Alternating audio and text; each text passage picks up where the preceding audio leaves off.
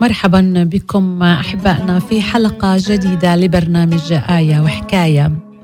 ذكر لنا ترتليانوس من القرن الثاني هذه القصة. أقام أفلاطون احتفالا كبيرا ودعا له حشدا من الفلاسفة. وكان قد زين بيته بالسجاجيد الغالية وستائر الحرير الذهبية. وكان ضمن المدعوين ديوجانيس الذي أتى إلى الاحتفال بحذاء وثياب ملوثة بالطين وأخذ يدوس بحذائه القذر على السجاجيد الغالية سأله أفلاطون لماذا تفعل هكذا أجابه قائلا إني أدوس لكل كبرياء عند أفلاطون والتشامخ الذي لديه. فرد أفلاطون نعم إنك تدوس تشامخ أفلاطون لكنك تدوسه بتشامخ آخر. كثيرون يتحمسون لعلاج أخطاء إخوتهم وقد لا ينقصهم صدق الدافع أو حماس الرغبة. ومع هذا يكون علاجهم لإخوتهم خارج مشيئة الله. لماذا؟ لأنهم يعالجون الخطأ بخطأ آخر. يعالجون أخطاء أخوتهم بطريقة ديوجانيس الجارحة.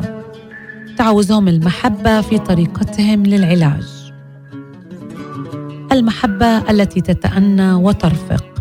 المحبة التي لا تتفاخر ولا تنتفخ.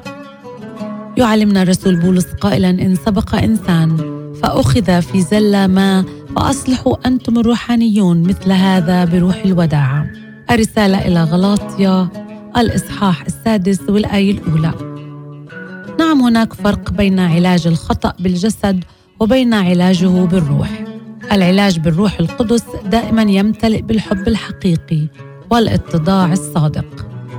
أيها الحبيب الوديع يا من باتضاع فائق انحنيت لتغسل أقدام عبيدك. أيها الراعي العذب تحتمل وتحتمل وتعالج أخطاءنا في صبر عجيب. ما أعظم طول أناتك ما أعجب وداعتك.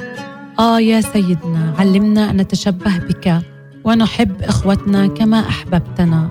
وحينما يخطئون نعاملهم كما تعاملنا. نعاتبهم في لطف ولا نجرح قط مشاعرهم. سيدي املأنا بروح القدس ليكون حبنا شبيها بحبك. آمين.